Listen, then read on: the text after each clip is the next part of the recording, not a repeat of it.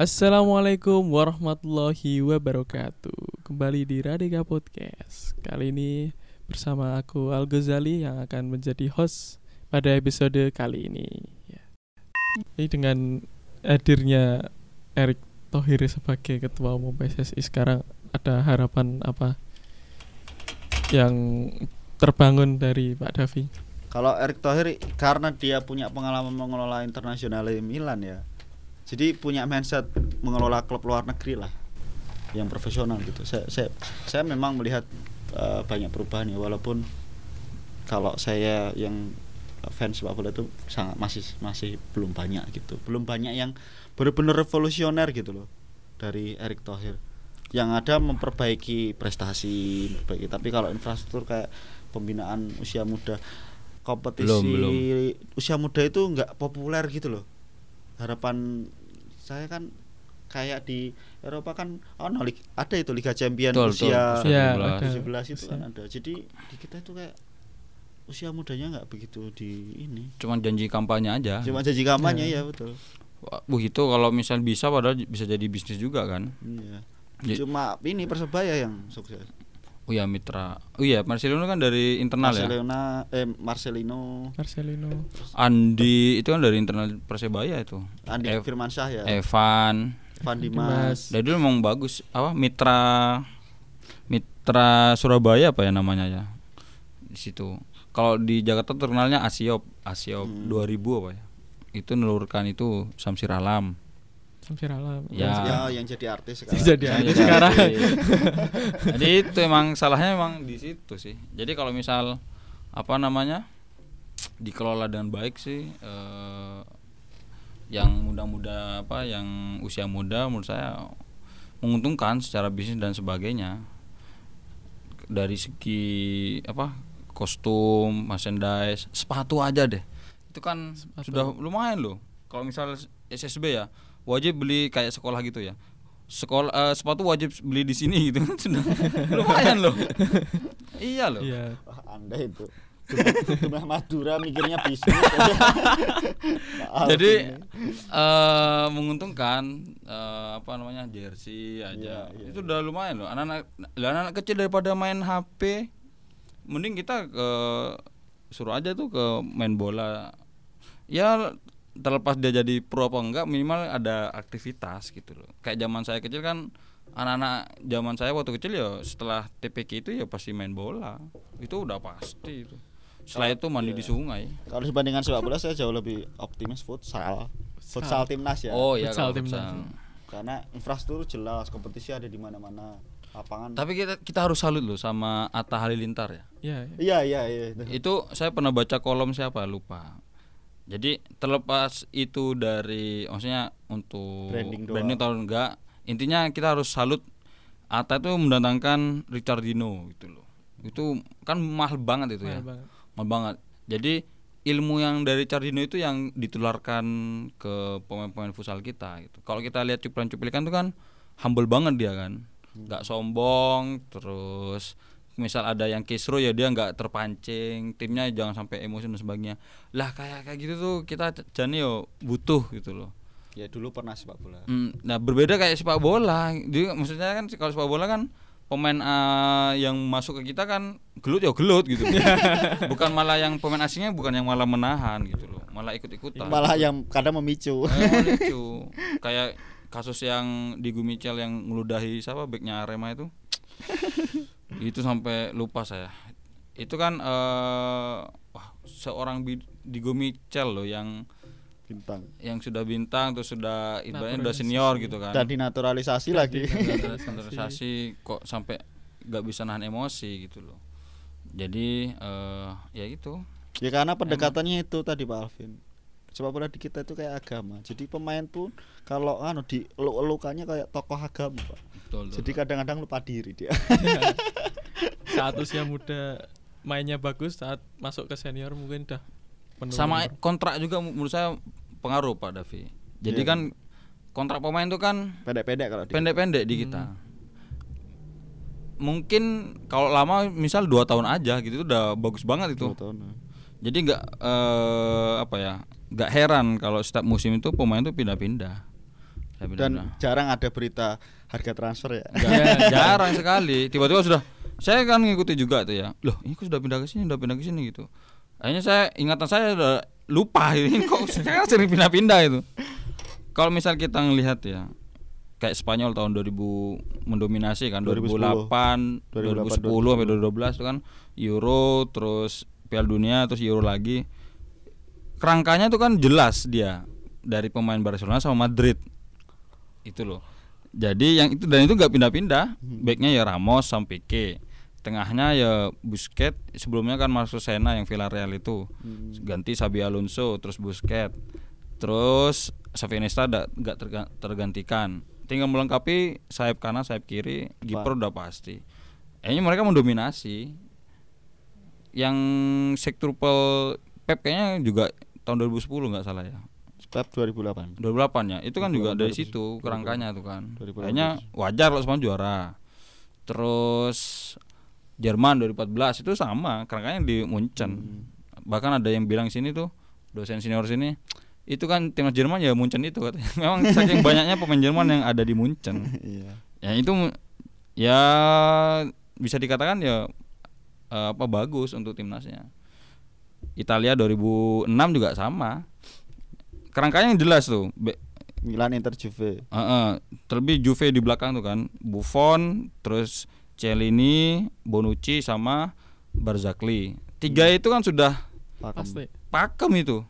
Kan eh Sugito tuh berapa musim mereka itu kan? Nggak nggak nggak terpatahkan itu. Dan yang disebutkan Pak Alvin semua tadi dari liga lokal semua. dari dan dari liga lokal itu. Tengahnya tinggal siapa? Gattuso Pirlo melengkapi aja itu. Depannya tinggal pilih Totti atau eh, Nedved. Inzaghi Oke, saya saya berasa kayak main PS ya. jadi fondasinya tuh penting PS tak zaman dulu ya. zaman dulu dua terus dua yang 2018 mana juaranya 2018 ini toh Prancis Prancis itu kalau Prancis campuran ah, itu udah. campuran sih udah campuran udah nggak kayak squad kayak Tapi Prancis usia mudanya bagus bagus. bagus betul betul bagus. makanya dia pemain mudanya mahal-mahal tuh Nicolas Iya. Pepe terus mahal-mahal. apa Aurelio Toch eh, yang to, apa gimana sih nyebutnya Tocimane itu Chouamani. Yang pemain Ah, Madrid cuma- ya. pemain Madrid itu yang terbaik ya Kamavinga. Kamavinga. Itu kan jadi ya dari segi pemain mudanya bagus. Ya mereka pintar udah bagus dijual dijual sama kayak sistemnya kayak di Jerman dan di Portugal gitu. Itu yang ya itu saya pernah nulis tuh yang sebaiknya mau meniru Jepang sama Amerika itu. Udah pas itu kalau Amerika ikut-ikut ke Eropa hancur Pak Hancur. klubnya itu. Dan masa mau dari negara yang Karena pantai barat ya. harus away ke pantai timur itu kan se se seperlima atau seperenam dari luas bumi sendiri itu Betul, betul. jauh banget itu Berarti secara kompetisi eh, Indonesia bisa mengadopsi dari Liga Amerika Ya dan balik dulu itu apa dua dua apa namanya? Dua wilayah. Sebenarnya wilayah. dulu udah pernah dan Pernah dulu lebih- lah. dan jauh lebih kompetitif. Gengsinya tuh gengsinya lebih tinggi, Tinggi. Animo teman-teman juga waktu itu wah ini tanding nih. Iya. Sekarang aja kalau setelah, setelah apalagi setelah kasus kanjuruhan ya. Kita saya pribadi pun sudah nggak minat lihat bola itu, lihat bola Indonesia loh ya. Iya. Kalau bola luar Sama, masih masih. Saya jujur ini. Jadi setelah kasus kanjuruhan itu, saya ada tanding apa gitu, sudah nggak wis nggak ngikuti saya, wis males. Karena kayak ya terlepas itu ny- nyawa itu loh, nyawa dan kayak nggak ada iktikat baik baik dari Aremanya juga, dari PSSI-nya juga. PSSI juga kayak lepas lepas tangan gitu.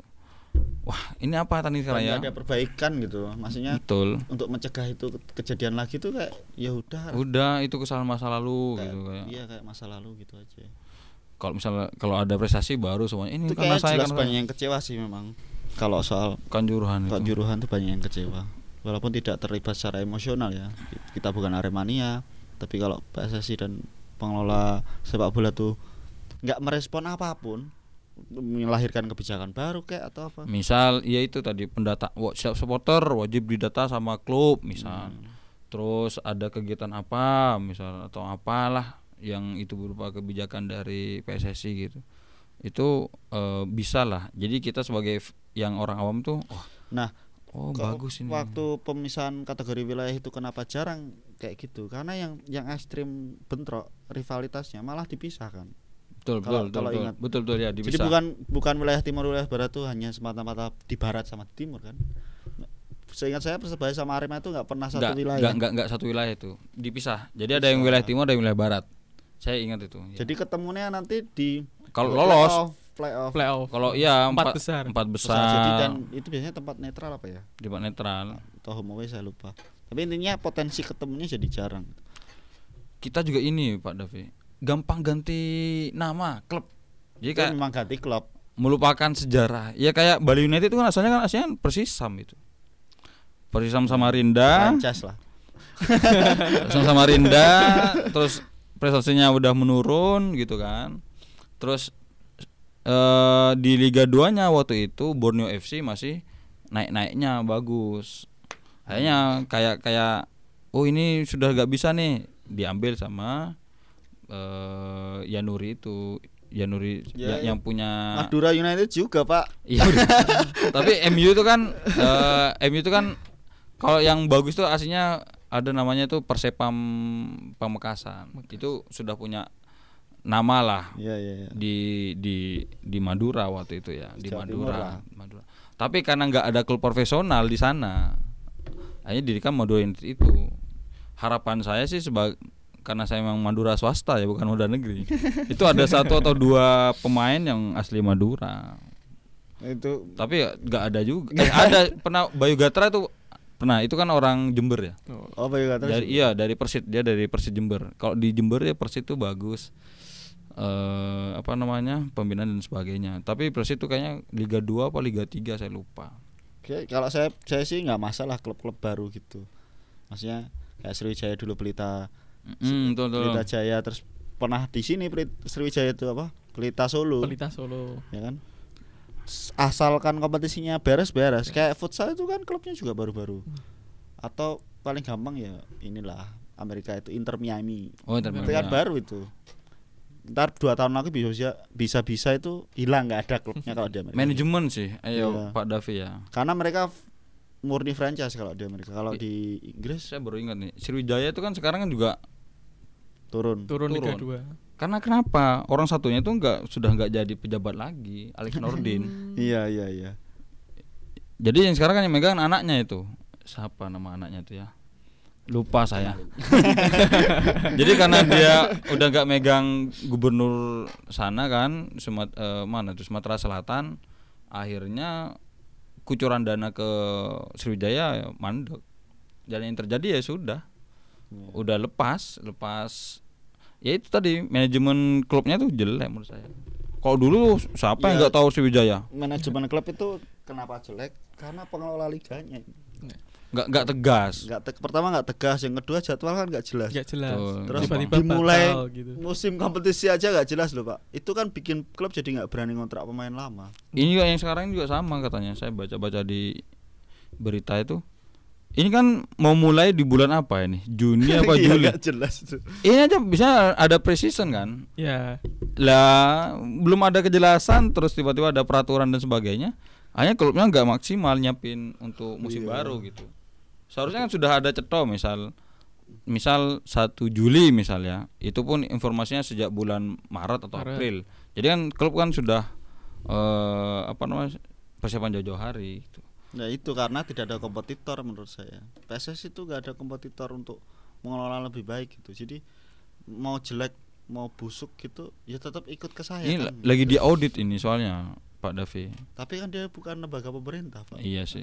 bukan lembaga pemerintah PSSI. Nah, karena justru karena bukan lembaga pemerintah itu harusnya di afis-afisnya sama swasta sekalian. Jadi Iya, saya itu yang Arvin Pani- almarhum tuh ya. Heeh. kayak misalnya inilah Jawa Pos harus diakui dia berkontribusi sama basket Oh iya basket betul atau betul.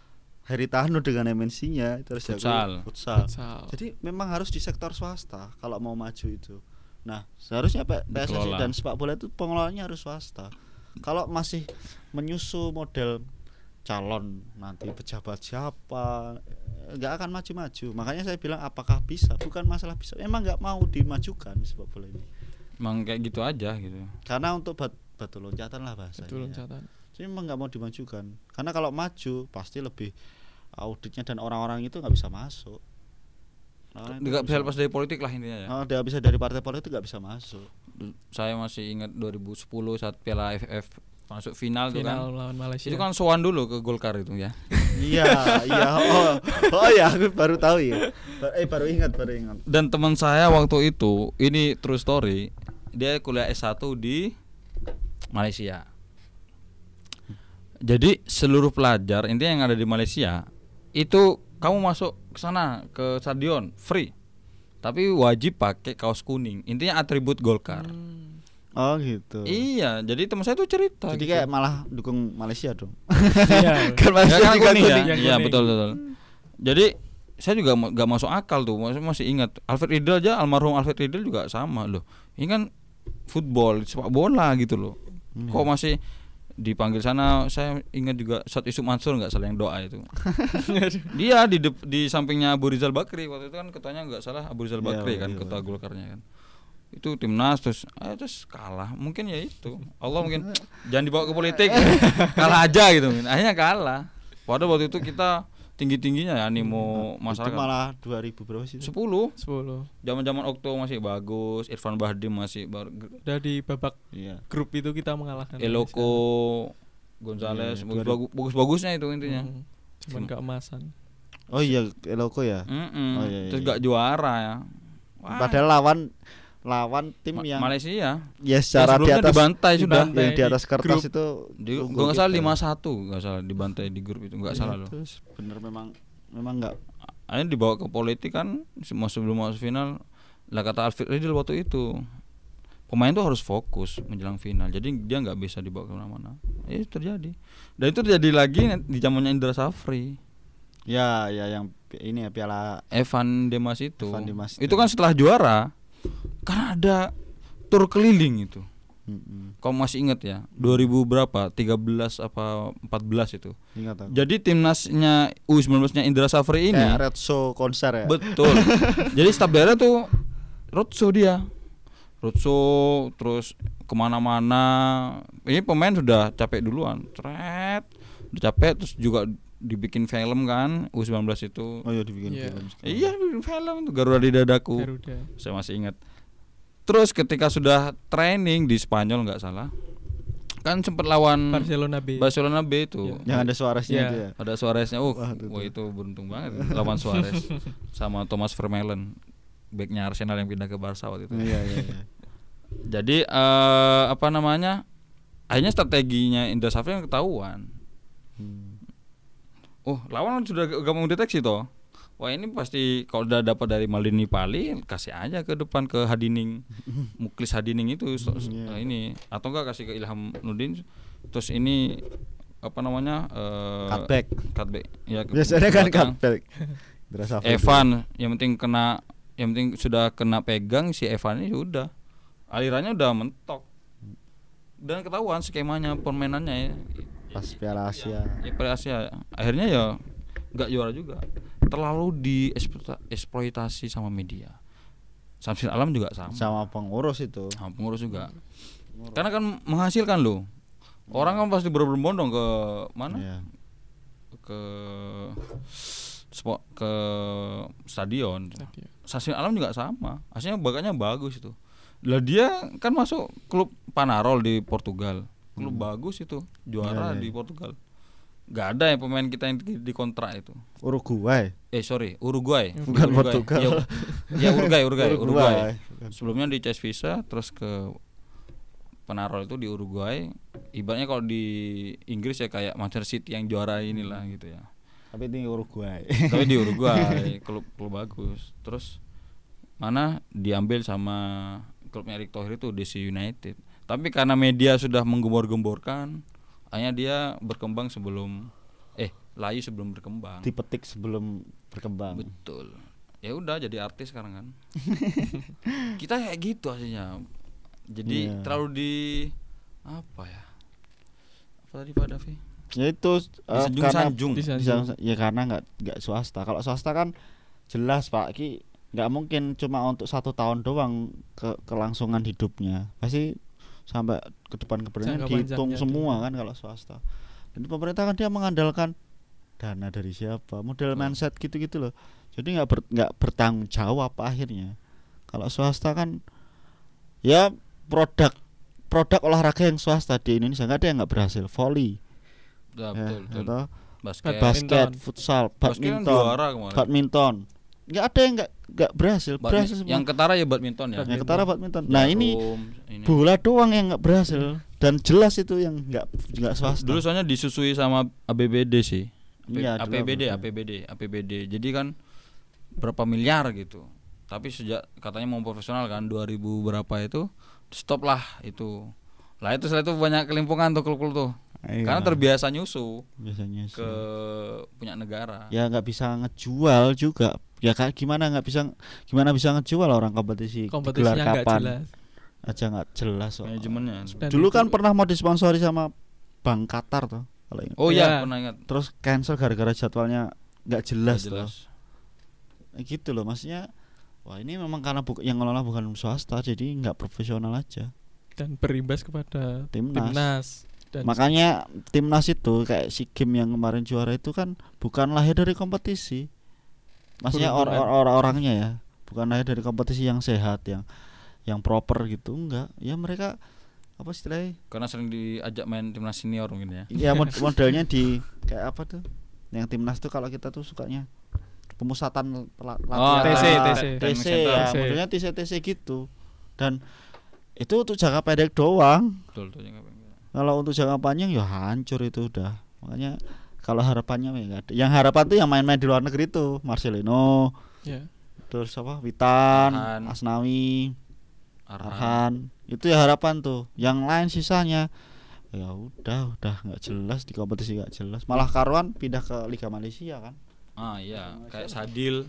Le- lebih jelas Liga Malaysia. Walaupun secara diakui memang secara kualitas nggak lebih bagus dari Liga Indonesia tapi secara pengelolaan profesionalismenya jauh lebih tinggi sana berarti harapan untuk Liga Indonesia me- menjadi semakin bagus masuk ya awang-awang? Iya masih ada. ya Pak nunggu nunggu. Pak Alvin nyalon ketua PSSI lah. Kalau untuk timnas kan masuk di semua usia nih masuk Piala Asia. Ya nah itu sejauh mana kita bisa melangkah itu? Saya optimis sih kalau saya. Piala Asia? Piala Asia. Masa Optimis. optimis Iya. kalah? Ya, minimal ndak malu di grup lah. Iya. Di satu grupnya sama siapa aja tuh sama Jepang sama Malaysia eh bukan, bukan. Vietnam Ah, Vietnam satunya itu Ku- Cina Taipei Kuwait eh, Kuwait Arab kayaknya. Saya lupa. ini Oh, tim tim ah. yang sama yang dibawa yang di SEA Games Timnas senior. timnas bro. senior Oh, timnas senior. Ini kan lagi TC nih sekarang timnas senior. aku nggak yakin yang besok lawan Argentina sama Ya, sekarang Palestina lagi- Eh, Indonesia itu kalau TC TC gitu harusnya negaranya nggak demokrasi. Tapi totaliter seperti korut. Oh iya. korut korut Cina itu kan Vietnam. Itu TC TC gini nggak modal mengandalkan pemain dari kompetisi tapi nasionalisme yang Di gila di- gitu. jadi bagus juga timnasnya bisa bagus gitu. Pilihannya kan gitu. Nah kita itu negaranya demokrasi tapi timnasnya modelnya kayak apa musiman kayak pasar kaget tuh. naturalisasi juga menurut saya juga perlu di ini sih di li, Spaso ya? Spaso kayaknya dipanggil lagi apa ya? Enggak ini kan terbaru kan Jordi Amat. Oh iya itu Sama lumayan lah Jordi Amat muda lah. itu Ivan Jenner sama Enggak, yang dulu itu kan ya siapa? Johnny Van Bukering terus oh yang pemain kayak Tambun itu gede. Iya. Itu malah juga kayak anggota dewan ketika kamu sudah mau apa namanya kompetisi apa namanya piala itu turnamen baru kita tuh eh, naturalisasi dan sebagainya apalagi pemain yang lama di Indo itu kan menurut saya sih itu kecintaan terhadap tanah air juga perlu dipertanyakan itu Yang- menurut yang saya siapa? murni murni nyari saja. uang emang Iya. nyari uang itu jadi kayak siapa lah banyak lah eh, di kita tuh sudah tua karena lama di Indonesia akhirnya minta dinaturalisasi Iya, iya, iya. atau minimal dia nikah sama orang kita. Orang Indonesia. Dijebak ya? Ada yang ada yang sukses. Maksud saya ada yang memang bagus. bener-bener cinta tanah air ada. Saya nggak bilang semuanya ya tapi ada lah ada yang bagus gitu. Dia cinta tanah air tapi ada yang cuman sebatas ya cuman ini aja ngikuti tren. Oh saya biar nggak kena visa Indonesia nih. Iya. biar lancar rezeki saya di sini. Saya jadi orang Indonesia aja gitu Saya nggak optimis kecuali kalau itu di grup itu formatnya futsal. saya Oh, iya. optimis. Saya, saya sangat optimis itu kalau bola enggak.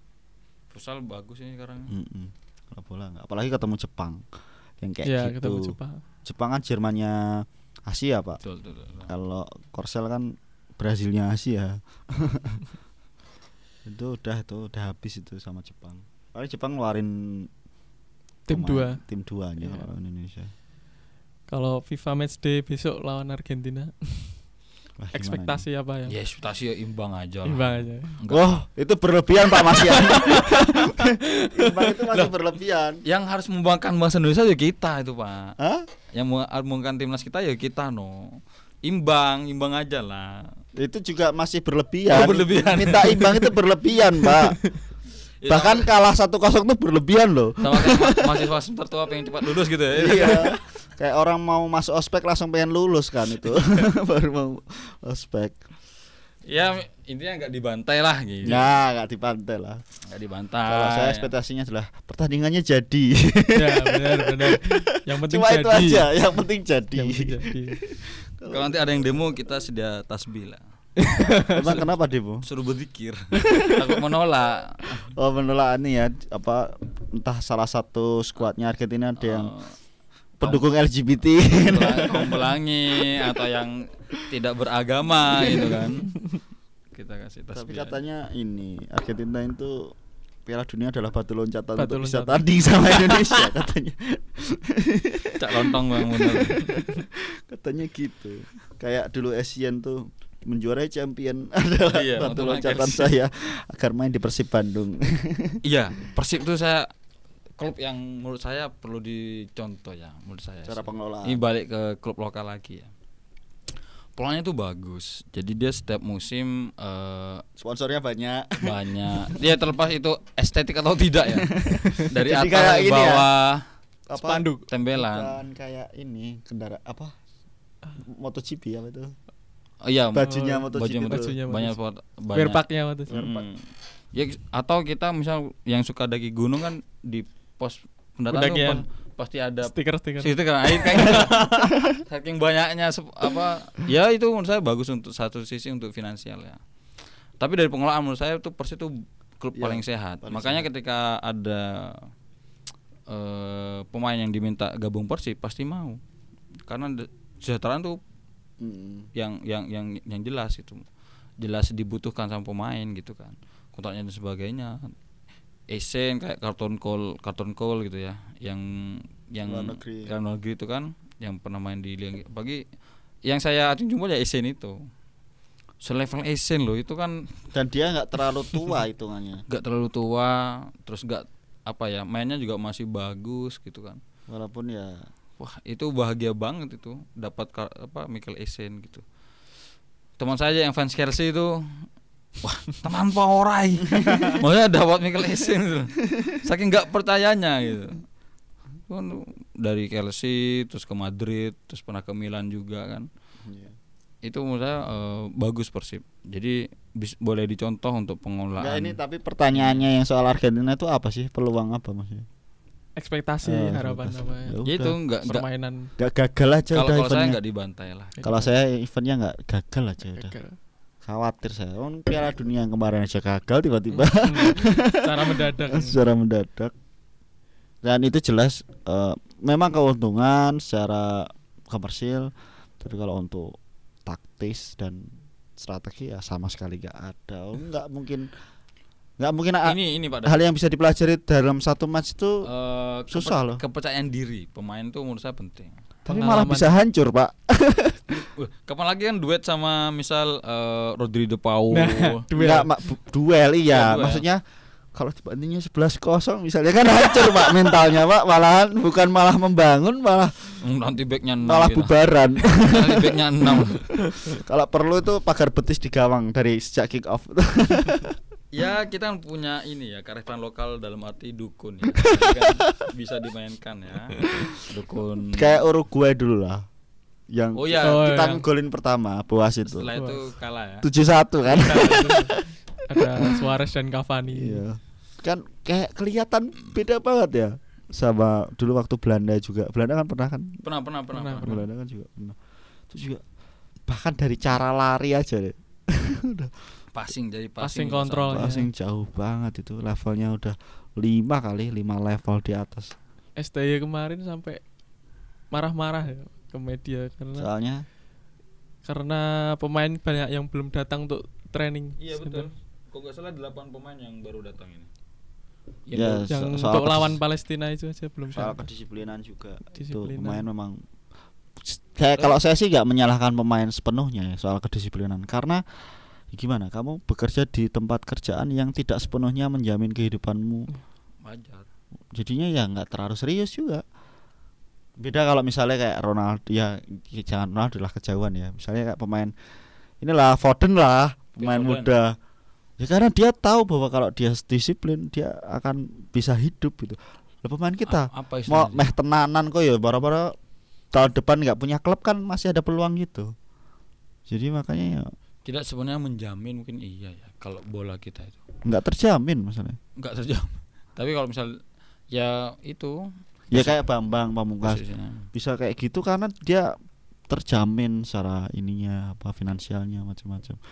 Dari Kalau- muda terus sekolahnya juga agak putus. Sekolahnya nggak putus gitu, diperhatikan lah. Siapa? Kok saya seperti bimbingan ya? Iya ya Ya, tapi tetap ada asa lah di balik semua Di balik permasalahan semua, ya di timnas kita ya. nggak saya asanya cuma satu kalau Pak Alvin nyalon jadi ketua PSSI Terima saya- kasih, Pak. saya pilih walaupun nanti pemilihan cuma satu ya Saya harus masuk politik dulu. ya enggak lah daftar samping itu kok pasus bisa loh Pak Iya. dari nanti kita masuknya dari Dari sisi jalur militer ya. Militer. nggak cuma sekedar militer elit Elit. elit militer Kopassus. Kopassus. Tapi saya gagal di tes fisik. ya dibantu lah Mungkin yang terakhir closing statement dari Pak Alvin dan juga Pak mungkin bola ada closing statementnya ya Iya. harapan mungkin untuk harapan timnas. ya kalau harapan karena kita apa namanya orang Indonesia karena kita N- NNKRI Pride ya hubul wa minal iman. Jadi emang harus tetap apa pun yang terjadi ya kita tetap dukung Indonesia lah.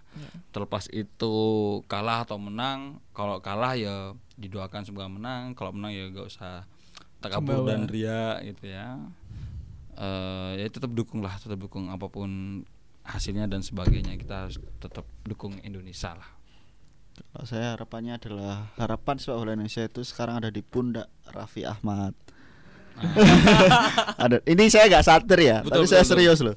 Nggak, siapa lagi Atta Halilintar juga punya ya, Sama Rudi Salim. sama Rudi Rudi di Salim. situ Atta situ. Saya karena Gading swasta sisasi lah, swasta Pengelolaan, tisasi. pengelolaan. pengelolaan secara swasta sepak bola Indonesia. Kalau memang nggak bisa dimulai dari pengurusnya, dari eh, pengelola nasionalnya, dari klub aja dulu deh. Kayak itu lebih masuk akal gitu. Kayak ya dengan memunculkan Manchester City Manchester City lokal lah. Betul, betul. Nanti siapa tahu eh, klub-klub lain akan Niru. niru karena kami kalah karena soal profesionalitas bukan soal match fixing bukan soal tapi memang soal profesionalitas terus branding gitu-gitu nah, harapan saya lebih banyak orang-orang ya siapa tahu nanti Pak Alvin mem- mengakuisisi klub mana Pucangan FC misalnya itu jauh lebih Kirim nomor rekening. Siap. Iya, macam-macam. lebih masuk akal untuk kalau mau berharap sepak bola Indonesia lebih baik adalah yaitu tadi menjadikannya swasta. Contohlah eh, Ginting yang barusan juara kemarin. Anthony Ginting. Sini suka. Sini, sini. Ya, ya. ya itu tadi perbincangan kita mengenai sepak bola Indonesia. Jangan lupa dengerin Radika Podcast hanya di Spotify dan juga di Anchor.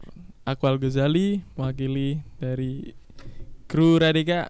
Assalamualaikum warahmatullahi wabarakatuh. Waalaikumsalam.